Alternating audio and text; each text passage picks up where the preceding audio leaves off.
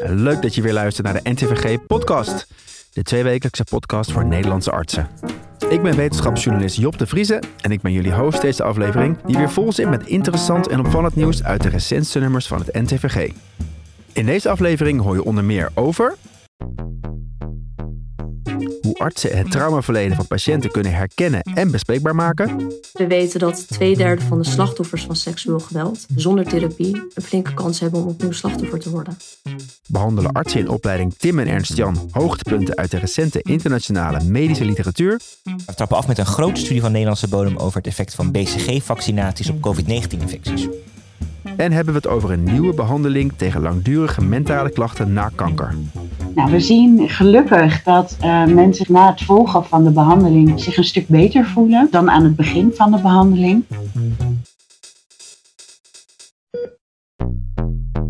Ja, we beginnen zoals altijd weer met de rubriek Wat hoor ik daar? Het spel waarin je de betekenis mag gaan raden van een geneeskundig geluid. Ik ga het geluid laten horen en later deze aflevering hoor je wat het was. Daar komt ie.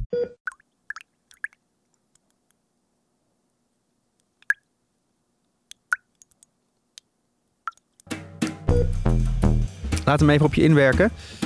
Gaan wij ondertussen verder met het eerste interview van mijn collega Anne. Seksueel grensoverschrijdend gedrag kan gevolgen hebben voor de gezondheid van slachtoffers.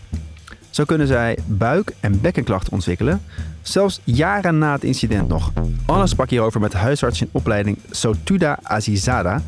Die schreef een artikel waarin ze collega's tips geeft hoe ze een traumaverleden van patiënten kunnen herkennen en bespreekbaar kunnen maken. Welkom Sotuda. Uh, ja, heel mooi onderwerp, jullie artikel. Eerlijk gezegd heb ik er zelf nog niet zo heel vaak over gehoord. Hoe kwamen jullie op het idee van dit artikel? Nou, dat is een samenloop van nou, verschillende dingen geweest. Met name een ontmoeting van de auteurs die het probleem herkenden. Ik zelf liep kooschappen in de tijden van de hashtag MeToo. Um, en zag daarbij dat bij verschillende spreekuren dat een gespreksonderwerp was. En ik kwam ook erachter dat er weinig was onderzocht over de mogelijke lichamelijke klachten na seksueel misbruik. En die tijd verwezen de maagdarme leverarts Christine Tijdgat en de seksuoloog Ellen Laan patiënten naar elkaar in het AMC. Ehm, wanneer zij het vermoeden hadden dat er onderliggend een verleden was van seksueel geweld. Nou, vervolgens zijn we in contact gekomen met elkaar en is het idee ontstaan voor dit artikel. Ja, heel mooi. En, en hoe kan zo'n negatieve seksuele ervaring dan leiden tot chronische bekkenbodemgerelateerde klachten? Er zijn verschillende theorieën over. Maar de voornaamste is dat het ontstaat uit een stressreactie van het lichaam. Seksueel geweld kan een ernstige trauma zijn, wat gepaard kan gaan met een acute en hevige angst. En zo'n angstreactie activeert het sympathisch zenuwstelsel in het lichaam, waarbij er adrenaline en cortisol vrijkomen. Nou, vervolgens ontstaat er een lichamelijke respons. De pupillen worden groter, de hartslag stijgt en de spiertonus van de verschillende spiergroepen worden hoger zoals die van de bekkenbodemspieren. Nou, wanneer die spiertonus een lange tijd te hoog blijft, zoals uh, wanneer relaxatie gewend is bij mixie of geslachtsgemeenschap of defecatie, kunnen er chronische klachten ontstaan. Ja. En jullie geven in jullie artikel al best wel wat tips voor artsen. Misschien ook goed om dat hier even te doen. Hoe kunnen artsen beter en sneller gevolgen van seksueel geweld herkennen? Op welke symptomen of reacties moeten ze dan letten? In het artikel concentreren we ons op de klachten in het buik- en bekkengebied. Eh, wat we met name willen meegeven is let ook op een combinatie van die klachten. maar kijk ook naar het geheel. Hoe reageert een patiënt bijvoorbeeld in de spreekkamer? Zijn ze opvallend schrikachtend bij lichamelijk onderzoek? Dan zijn dat verschillende signalen die je kan meewegen, waarbij er misschien seksueel geweld in de voorgeschiedenis kan zijn. En wat we met name willen meegeven is: vraag het laagdrempelig. Durf het te vragen. Want als het een nee is, dan is het een nee. En als het een ja is, dan kan je die patiënt beter helpen. En we weten dat twee derde van de slachtoffers van seksueel geweld uh, zonder therapie een flinke kans hebben om opnieuw slachtoffer te worden. En hoe kunnen ze dat dan het beste doen? Nou, een patiënt verwacht vaak niet zo'n vraag, hè, dat je gaat vragen naar seksueel geweld. Uh, dus wat wij deden was dat we de vraag gingen inleiden. Een voorbeeld is, hè, wij zien regelmatig patiënten met de combinatie van uw klachten die seksueel geweld hebben meegemaakt. Is dat bij u misschien ook het geval? Jullie hebben dit zelf ook al uitgeprobeerd, denk ik. En, en hoe reageren mensen? Nou, zonder weerstand in ieder geval. Uh, vrij positief. Uh, wat we wel eens zagen was dat het gewoon een nee is en dat mij, mensen de schouders ophalen. Er zijn wel eens mensen geweest die ervan schrokken en die pas bij het tweede gesprek hè, dat dan aangeven dat ze het toch hebben meegemaakt. Maar al met al ja, hebben we er positieve ervaringen mee. Oké, en als een, uh, een patiënt dan bevestigend op zo'n vraag antwoordt, welke zorg moet dan vervolgens geboden worden? Nou, ons voorstel is een multidisciplinaire aanpak. Uh, en dat begint eigenlijk met een uitleg aan de patiënt. Uitleg dat de lichamelijke klachten mogelijk een gevolg zijn van seksueel geweld in het verleden. Want daarbij kan de patiënt ook betere keuzes maken wat een gepaste zorg voor de patiënt is. En denk dan daarbij aan hulp bij traumaverwerking of iets als een bekkenbodemfysiotherapeut. En uh, je noemde al, ik ben op dit idee gekomen uh, ten tijde van de hashtag MeToo-beweging. Denk je dat die er uiteindelijk ook aan zal bijdragen dat de schade minder zal worden? Nou, het draagt absoluut bij. Met name dat er meer bewustzijn is gecreëerd. Wat ik nog wel zie is dat het in de media of met de hashtag MeToo met name gaat om de gevallen in de tv- en de filmwereld. Um, en we weten dat eigenlijk de merendeels van de daders, met name in de familie- en de vriendenkring, bevindt. Um, maar dat we al een begin daarmee hebben, is natuurlijk een grote winst. Ja, goed punt dat je dat uh, ook nog even benoemt. Hey, en uh, laatste vraag. Jullie dragen het artikel op aan de vorig jaar overleden hoogleraar Ellen Laan. Voor de luisteraars die haar niet kennen. Uh, wie was zij en wat is haar grootste verdienste geweest? Ellen Laan was een hoogleraar seksuologie. Ze heeft veel werk gedaan op het vrouwelijk genot. Uh, waarbij ze bijvoorbeeld de clitoris met haar werkelijk formaat naar de biologieboeken heeft gebracht. En verder heeft ze nog veel werk gedaan over de orgasmekloof tussen de heterokoppels. Um, en wat ze daarbij belangrijk vond, was dat iedereen mocht onderzoeken wat fijne seks voor hem of haar is. Als je dat weet, dan weet je beter waar je grenzen liggen en kan je dat aangeven. Dankjewel, Sartuda, voor je mooie verhaal. Graag gedaan. Dankjewel, Anne en Sotuda. Het artikel van Sotuda is uiteraard te vinden op ntvg.nl onder podcast. Reageren mag altijd via podcast.ntvg.nl. Dan gaan we nu over naar de warme douche, de rubriek waarin we mooie initiatieven in de medische wereld aandacht geven.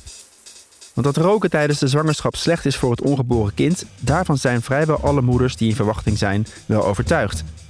Ondanks dat rookt nog altijd 7,7% van hen op enig moment tijdens de zwangerschap en 4,8% tijdens de hele zwangerschap.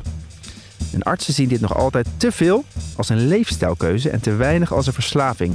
De Taskforce Rookvrije Start voor Ieder Kind van het Trimbos Instituut biedt zorgverleners handvatten om zwangeren beter bij te kunnen staan bij het stoppen. Voorzitter van deze taskforce is gynaecoloog Klansien van der Houwen en die heb ik aan de lijn. Welkom Klansien. Gefeliciteerd met, uh, met deze warme douche, wel verdiend. Um, eerst even, hoe ben je zelf bij deze taskforce uh, betrokken geraakt? Uh, ja, zo een hele tijd geleden. Dat is in uh, 2016 geweest. Um, ik hield me vooral bezig met uh, patiënteninformatieontwikkeling. En als gynaecoloog dacht ik, dat was digitaal. Ik wil ook wel iets bieden voor zwangere vrouwen die roken. Want die stuur ik nu weg met de opdracht om te stoppen. Maar het leek me niet zo effectief. En uiteindelijk uh, hebben we besloten om een film te gaan maken. En uh, ja, het Trimmels Instituut wist daarvan. En uh, toen kwam er een dag met VWS samen om dit probleem te gaan bespreken. Het roken in de zwangerschap, maar ook rondom jonge kinderen. En daar ben ik bij uitgenodigd. En toen ben ik eigenlijk pas echt me erin gaan verdiepen. En ja, heel snel voorzitter geworden van die taskforce. Jullie kwamen er eigenlijk achter, je kwam er zelf ook achter, dat veel zorgverleners, maar dus ook artsen, dit te veel nog als een. Uh, eigenlijk iedereen weet wel dat het een verslaving is, maar de benadering uh, is meer een van ja, het is toch ingewikkeld, uh, leefstijlkeuze en moeilijk om kunnen gaan met die mensen die er niet in slagen om te stoppen. Kun je daar wat meer over vertellen? Waar zit het dan in? Ja, dat klopt helemaal. Um, het, zit, het, het, het echt begrijpen wat de verslaving is, kost best wel tijd. Het zit bijvoorbeeld in dat je iemand gaat uitleggen wat de nadelen van het roken zijn. En um, ja, als iemand dan niet wil stoppen met roken, is het haar eigen keus. En dan is het dus een leefstijlkeus, maar dan is ze ook niet gemotiveerd. En uh, wat ook nogal is gebeurd, is dat zorgverleners, uh, als ze die argumenten gaan geven, eigenlijk in een soort discussie gaan met de patiënt. En uh, ja, dat zijn geen leuke gesprekken. daardoor raken ze ook wat moedeloos. En ik denk dat dat een van de redenen is waarom het stoppen met roken, om dat echt serieus op te pakken als professional, veel te veel blijft liggen. En nog, nog even kort als laatste dan. Dus die hulp die je dan kunt aanbieden, waar bestaat die uit? Uh, nou, wat, uh, als taskforce hebben wij ook onderzocht hè, wat er nou knelpunten waren. En een van de knelpunten was eigenlijk toch wel dat je niet goed kan verwijzen. Dat je zegt van nou ga naar de huisarts. En ja, veel patiënten doen dat toch niet. Het is ook best moeilijk om die stoppen met roken zorg goed in kaart te brengen. En we hebben toen een stoppen met roken telefonische hulpverlening ontwikkeld voor Nederland. Eerst als een soort ja, vangnet. En uh, het hele plezierige is, is dat ik gewoon in de spreekkamer online mijn patiënt kan aanmelden. En deze coaches kennen wij ook. Die hebben we ook speciaal voor de zwangerschap opgeleid. Weten hoe ze nicotinevervangende middelen kunnen geven. En uh, ja, dat is gewoon heel effectief. Nou, het klinkt als uh, zeker een warme douche waard.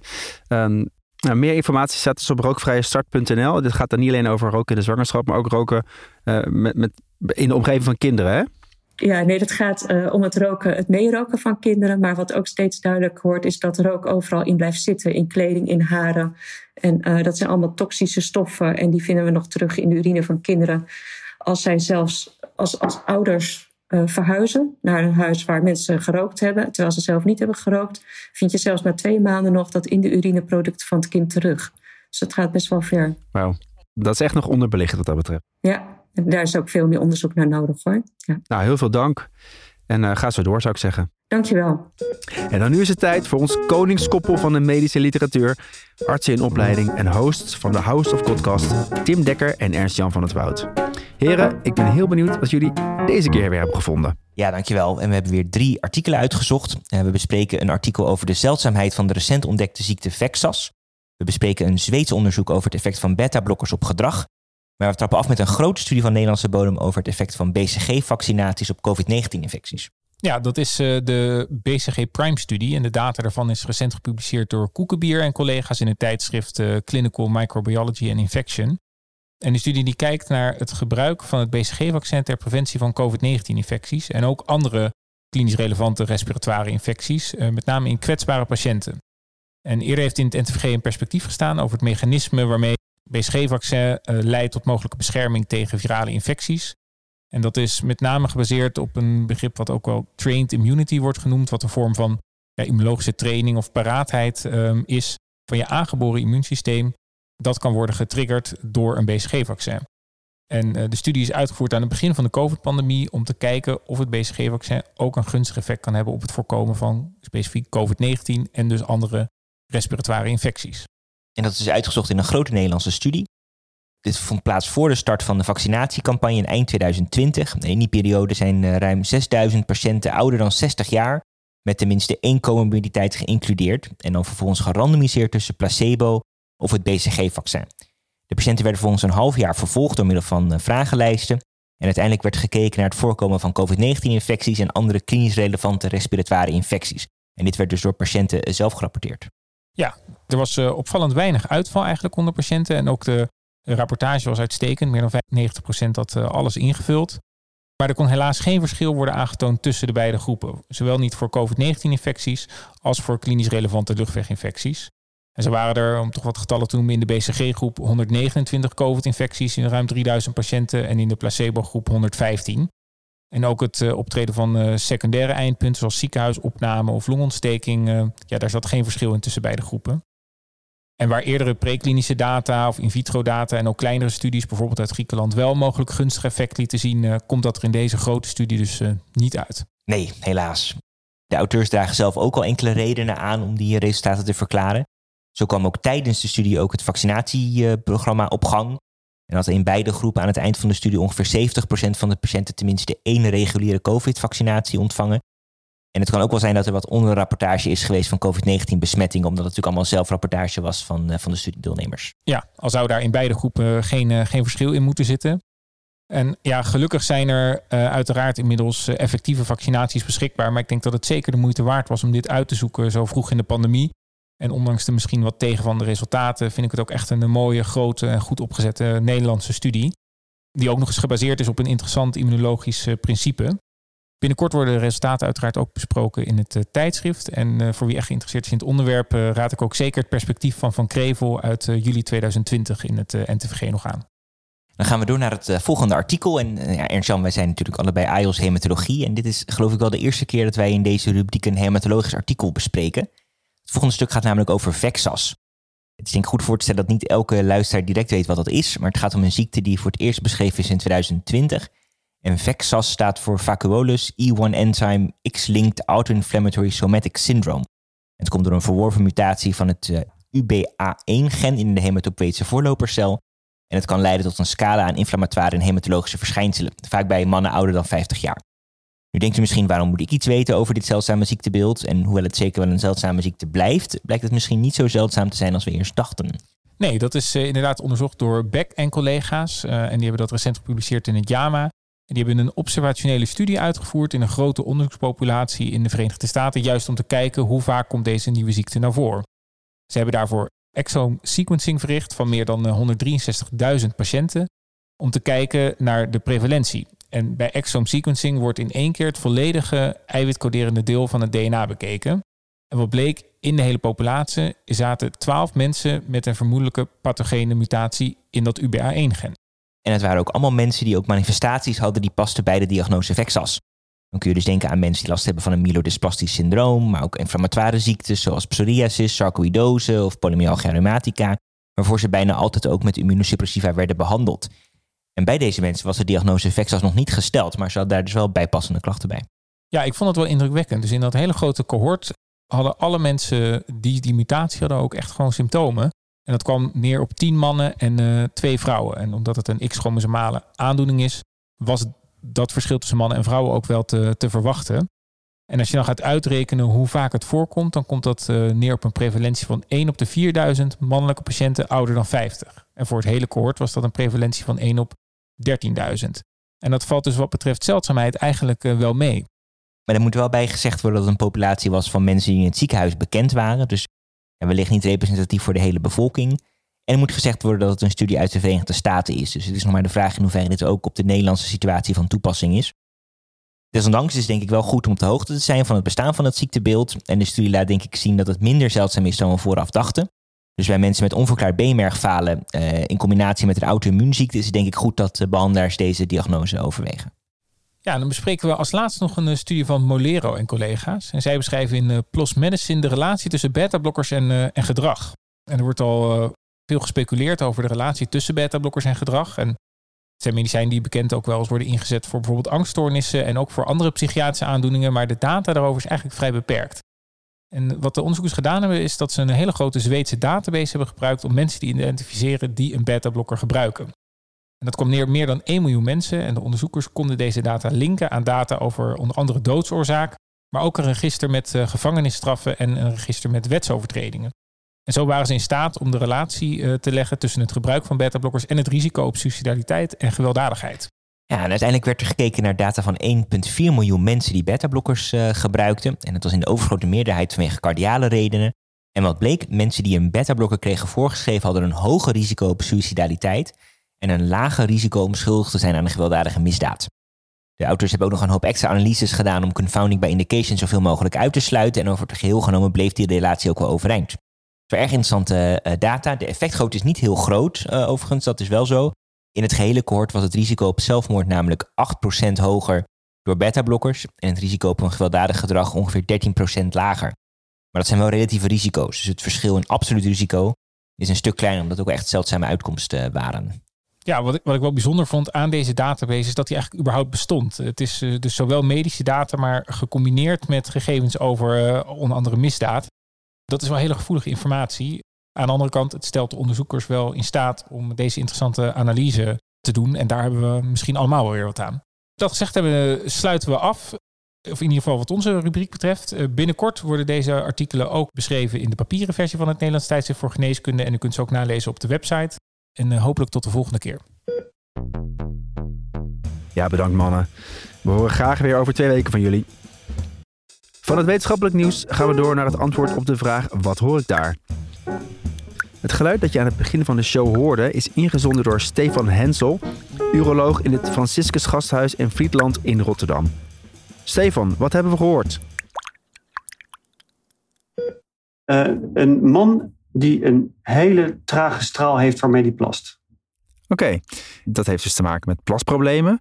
Wat valt er nog meer over te vertellen? Dat heel veel mannen in de loop van hun leven minder makkelijk gaan plassen. Veel van die mannen die hebben het gevoel dat dat een probleem is en die gaan er dan vervolgens mee naar de dokter.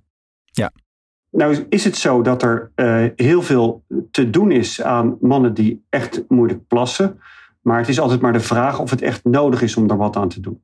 Ja, en, veel mensen denken al gauw aan, aan, prostaatkanker, denk ik ook bijvoorbeeld. Ik kan me voorstellen dat dat ook een reden is om naar de dokter te gaan. Dat ze zeker willen zijn dat dat het niet is. Uh, dat klopt precies. Mannen zijn bang dat ze prostaatkanker hebben. Het is niet een duidelijk symptoom van prostaatkanker. Dus uh, vaak kunnen ze al snel worden gerustgesteld daarin. Het enige waar wij als artsen goed aan moeten denken, is dat we dan niet vervolgens onmiddellijk die patiënten gaan behandelen. Want iedereen heeft recht op zijn eigen straal.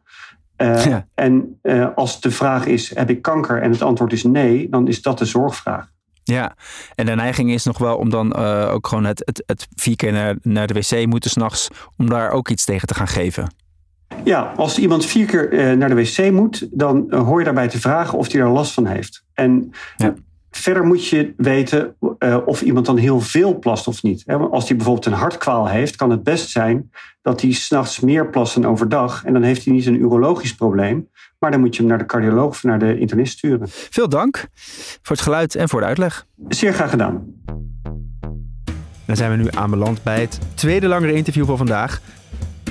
Een meerderheid van de mensen die kanker heeft of heeft gehad, kampt met psychologische klachten, zoals vermoeidheid, angst voor terugkeer en somberheid.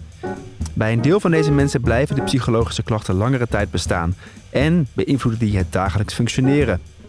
Anne sprak met Vera Atema van het Integraal Kankercentrum Nederland over een relatief nieuwe behandeling voor deze groep, die voor het eerst is onderzocht op effectiviteit. Ja, Vera Job zei het al. Jullie uh, onderzochten een behandeling conform de richtlijn uit 2016 voor mensen die nu kanker hebben of hebben gehad.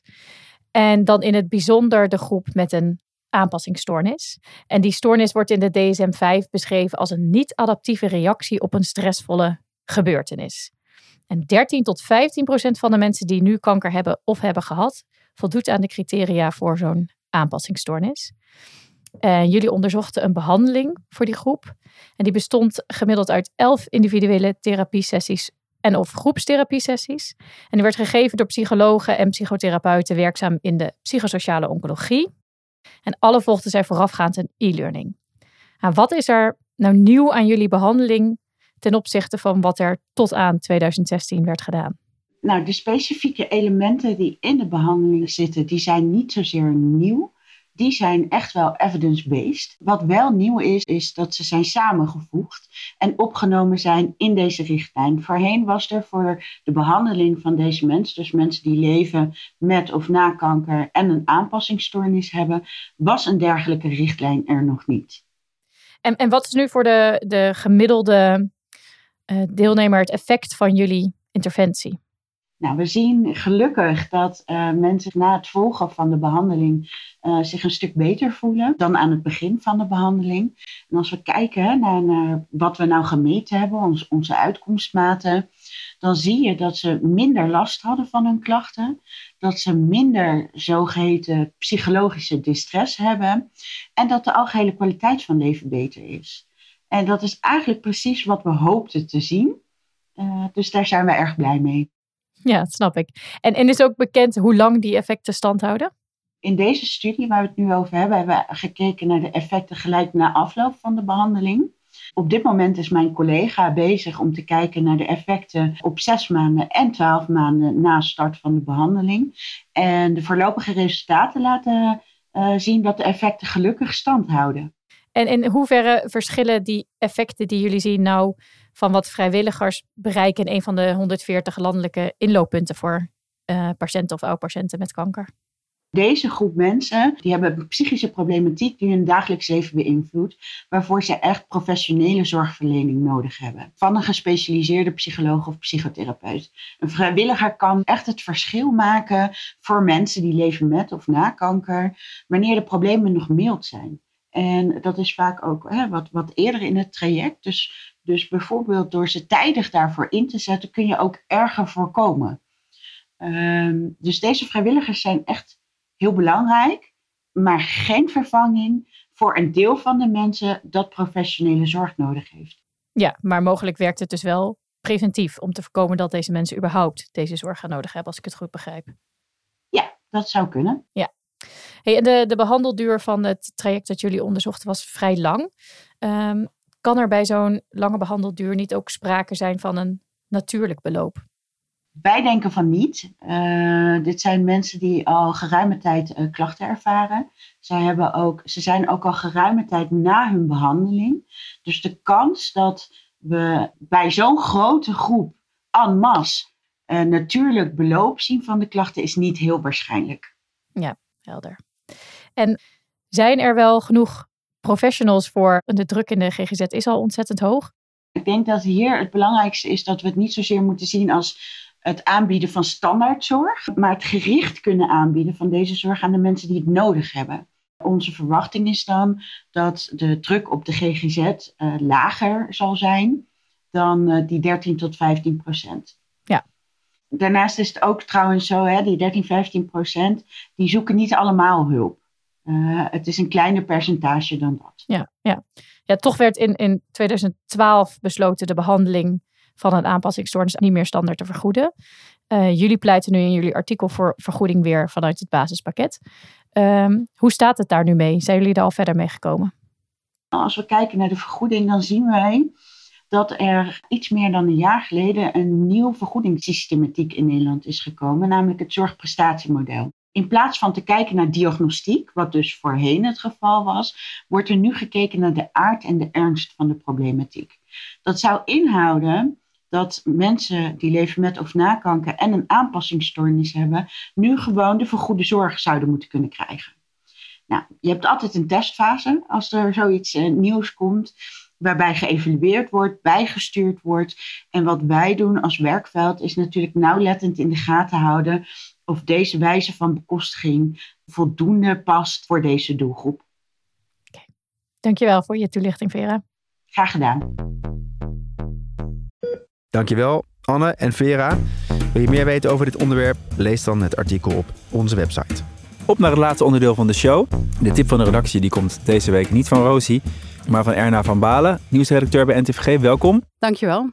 Wat heb je meegenomen deze keer? Ik heb uh, meegenomen een uh, nieuwe aflevering in de serie uh, niche-beroepen. Ja, dat zijn beroepen waar maar een handjevol artsen dat doen. Deze keer zijn dat lucht- en ruimtevaartartsen. Dat is een stuk dat geschreven is door mijn collega Lara Harmans.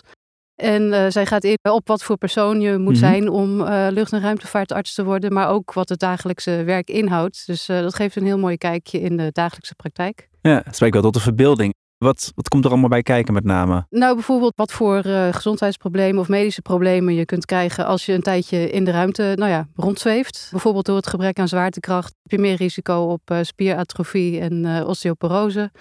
Daarnaast is het natuurlijk door het gebrek aan zwaartekracht, zeg maar iets als reanimeren, wat astronauten ook moeten kunnen. Uh, ja, hoe doe je dat zonder zwaartekracht? Hoe doe je dat eigenlijk? Uh, nou, dan moet je vooral zorgen dat uh, de patiënt vastzit aan een plank, zodat hij niet wegzweeft. En je moet jezelf ook ergens tegen vastzetten, tegen het plafond of de vloer. Ja. En, en nog even in het heel kort, wat zijn dan typische kenmerken van zo'n ruimtearts? Wat is er voor nodig om een goede ruimtearts te zijn? Nou, het is niet een uh, standaard uh, opleiding. Uh, het is een beetje bij elkaar scharrelen van, van wat er is. Artsen die verschillende opleidingen hebben gevolgd. Eén had een achtergrond als huisarts, is een tijdje in de opleiding geweest tot internist. Um, en heeft toen vervolgens, nou ja, heeft zich meer gericht op fysiologie van de ruimte. Dus ja, een allegaartje aan achtergronden. Ja, een heel interessant stuk. Ik heb het gelezen. Ik raad het zeker aan aan alle luisteraars. Dankjewel voor de tip. Graag gedaan. En daarmee zijn we alweer gekomen aan het einde van deze aflevering. Hopelijk heb je ervan genoten en wellicht ook nog iets opgestoken. Waardeer je onze afleveringen? Stuur ons door naar al je collega's en volg ons op je favoriete podcastkanaal zoals Spotify, Apple of Google Podcast. En laat vooral ook een review achter door een aantal sterren te geven. Dat helpt ons weer om beter gevonden te worden door andere artsen. Zo help je ons op onze missie om de beste en best beluisterde medische podcast van Nederland te worden. Over twee weken zit hier mijn collega Anne van Kessel weer. En voor nu een heel fijne dag gewenst en tot de volgende aflevering. En denk eraan, een goede arts is een goede luisteraar, dus blijf vooral luisteren. Dit is een podcast van de NTVG-redactie in samenwerking met mij, Job de Vrieze, Anne van Kessel, Tim Dekker, Ernst-Jan van het Woud en audiocollectief Visionair Ordinaire.